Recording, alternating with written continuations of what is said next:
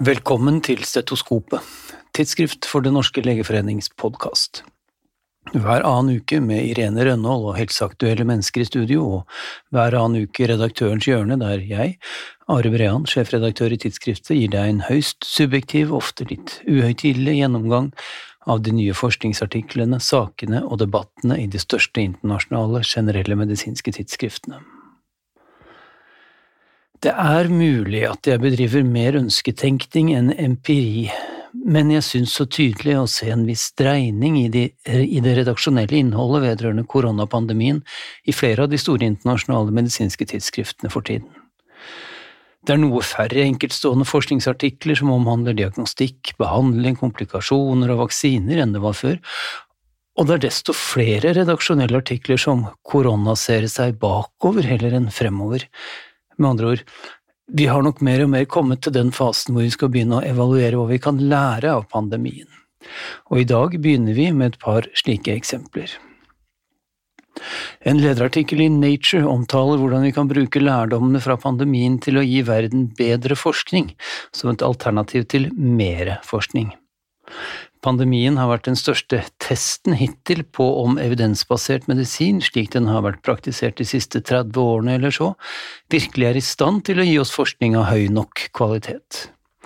Utgangspunktet for lederartikkelen er en featureartikkel i samme utgave av Lancet som fastslår at pandemien har stresstestet måten vi produserer evidens på, og at vi gjennom det har fått avdekket alle svakhetene i vårt nåværende system.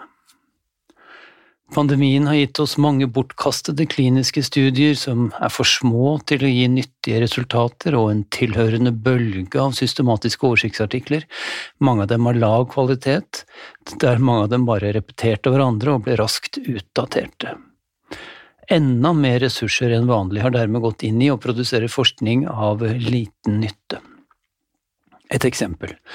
En database inneholder nå 9000 kunnskapsoppsummeringer om covid-19.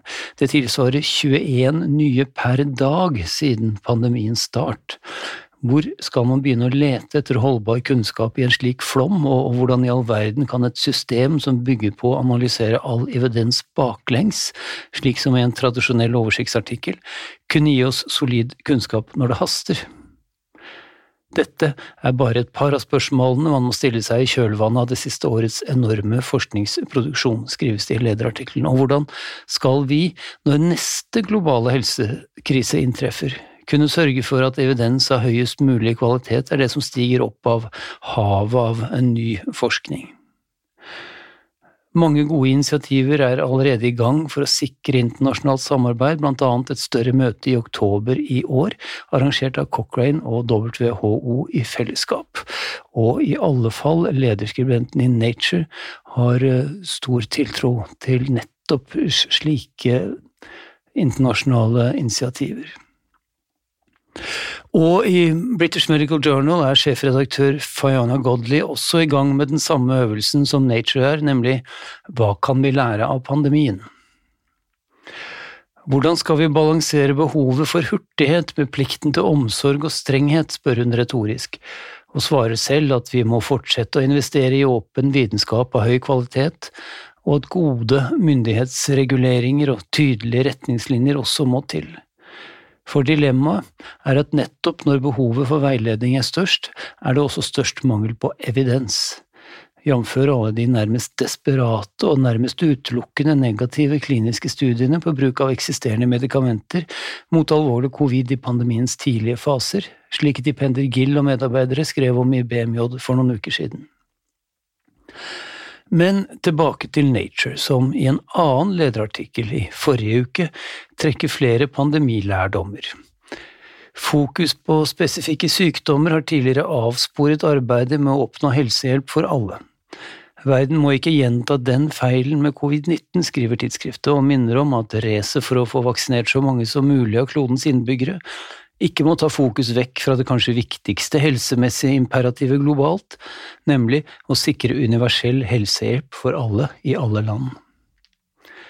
Pandemien har tydeligere enn noen gang vist oss kostnadene ved sårbare og svake helsesystemer.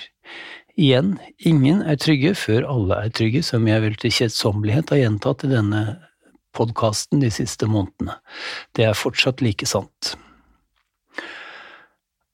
Og for liksom å riktig gni inn dette med lærdommer fra pandemien, hopper vi tilbake igjen til British Medical Journal, der rapporten som WHO bestilte av det uavhengige panelet for pandemirespons omtales.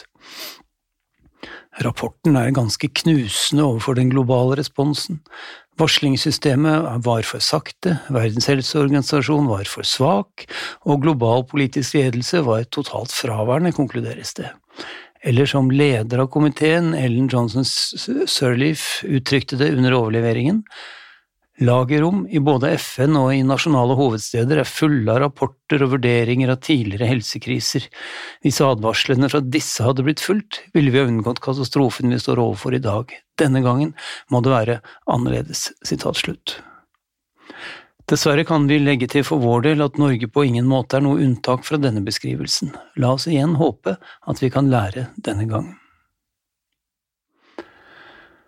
Og for bare å understreke betydningen av universelle helsetilbud, ikke minst under en pandemi. I The Lancet Global Health har en stor systematisk oversiktsartikkel og metaanalyse publisert denne uken sett på effekten av pandemien på maternell og perinatal utkomme for verdens kvinner og barn. Metaanalysen inkluderte 40 studier som involverte mer enn 6 millioner kvinner i 17 land. Både antallet eh, maternelle dødsfall i og rundt fødsel, antallet dødfødsler og forekomsten av kirurgi for ektopisk graviditet økte betydelig under covid-19-pandemien, spesielt i lav- og mellominntektsland, men også i høyinntektslandene. Mødredødeligheten økte totalt med omtrent en tredjedel, og antallet dødsfødsler med omtrent en eh, tredjedel, og syv av elleve inkluderte studier viste at også forekomsten av fødselsdepresjon og angsttilstander forbundet med graviditet og fødsel økte. Vi må lære av pandemien, konkluderer også disse forfatterne, som et slags refreng for denne ukens eh, podkast og forfatterne fremholder særlig betydningen av å ikke overføre personalet fra fødeavdelinger til intensivavdelinger. Det hjelper lite å avverge død og lidelse i én ende, dersom det fører til økt død og lidelse i den annen. Og nå fra korona til koronar.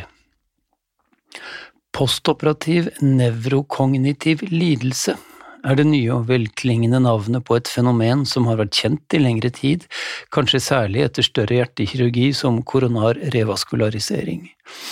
Det har vært usikkert om perkutan koronarintervensjon, altså PCI, er bedre i så måte enn koronar bypass-operasjon. I en stor retrospektiv kohortstudie av nesten 1700 amerikanere som gjennomgikk enten PCI eller bypassoperasjon mellom 1998 og 2015, har forskerne sett på nettopp dette.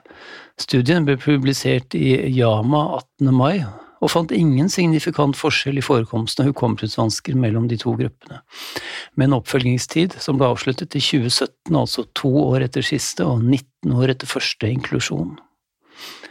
Interessant nok hadde studien data for kognitiv funksjon for deltakerne også opptil fem år før den aktuelle prosedyren, for å kunne ta høyde for eventuelle preintervensjonsforskjeller mellom de som fikk PCI og de som fikk bypass-operasjon, Men heller ikke disse data viste noen forskjell mellom gruppene. Og når vi først er i gang med hjertepasienter. Kvinner har større risiko enn menn for både blødning og iskjemi etter PCI-behandling men betyr det at de også har større risiko for blødning ved standard dobbel platehemming etter PCI? Det vet man mindre om. Nå foreligger en forhåndsspesifisert sekundæranalyse av Twilight-studien, som er en eh, forskerinitiert, placebokontrollert, randomisert klinisk studie med data fra 187 kliniske sentra i elleve land, publisert i Yama Cardiology 15. mai. Pasienter satt på dobbelt platehemming med ASA og Ticagrelor ble etter tre måneder randomisert til enten ASA eller placebo i ytterligere tolv måneder sammen med Ticagrelor. Kvinner med dobbelt platehemming fikk hyppigere blødning enn menn, men etter korrigering for baseline-ulikheter mellom gruppene forsvant denne forskjellen. Dette i motsetning til en del tidligere studier, altså. Og grunn til å minne om at i den norske Norstent-studien, publisert tidligere i år, som fikk en viss omtale, der fant man heller ingen sikker kjønnsforskjell i blødningsrisiko. Vi skal ikke slippe ASA, men dreie det over på overbehandling.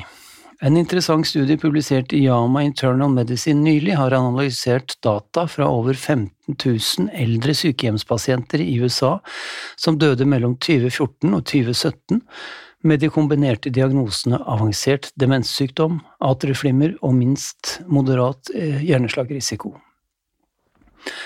det vil si altså moderat eller høy hjerneslagrisiko. Formålet var å finne ut hvor ofte antikoagulasjonsbehandling ble kontinuert ad absurdum i denne gruppen. Det var ofte. Hos nesten en tredjedel ble antikoagulasjonsbehandling kontinuert i de siste seks månedene av livet. Og paradoksalt nok, jo høyere blødningsrisiko hos pasienten, jo større sannsynlighet for at vedkommende ble stående på antikoagulasjon til sin død. På samme måte var eh, klassiske indikatorer for kort forventet levetid, som raskt vekttap, svelgevansker og trykksår, også assosiert med høyere sannsynlighet for at pasienten ble stående på antikoagulasjon. Det finnes ingen gode sikkerhets- eller effektdata på slik behandling i denne pasientgruppen, jeg hadde nær sagt naturligvis, men tilgjengelige sparsomme data tyder på en nyttig risikoprofil som ikke akkurat taler for slik behandling ved avansert demenssykdom i sluttstadiet. I Norge har vi en pågående Gjør kloke valg-kampanje mot overbehandling. La oss håpe fokuset på ikke bare initiere, men også avslutte behandling er større hos oss enn i USA. I mangel av nasjonale data kan vi i hvert fall late som. Nå kommer snart e-sigaretter med nikotin også i Norge, og tobakkindustrien fornekter seg ikke, det viser ukens farse. Tidsskriftet American Journal of Health Behavior har kommet i hardt vær, etter å ha utgitt en spesialutgave om bruk av e-sigaretter, nærmere bestemt fra produsenten Juul, som tobakkssubstitutt og som tillegg til tobakksprodukter. Problemet er at utgaven er tungt sponset av, ja, nettopp e-sigarettfabrikanten Juul, som dels er eid av firmaet som også igjen eier Philip Morris, en ikke helt ukjent tobakksfabrikant. Og for å gjøre hele farsen komplett, gjesteredaktøren og spesialutgaven er en viss Paul Schiffman, som tidligere er benyttet som fagkonsulent av blant andre British American Tobacco og Reynolds, to andre tobakksgiganter. Redaktøren for American Journal of Health Behavior tar på ingen måte selvkritikk, men går til frontal attakk på kritikerne. Dette har vi gjort før, uten at noen har reagert da, sier han blant annet eh, ifølge British Medical Journal. Vi kunne i sannhet ha trengt en internasjonal redaktørplakat.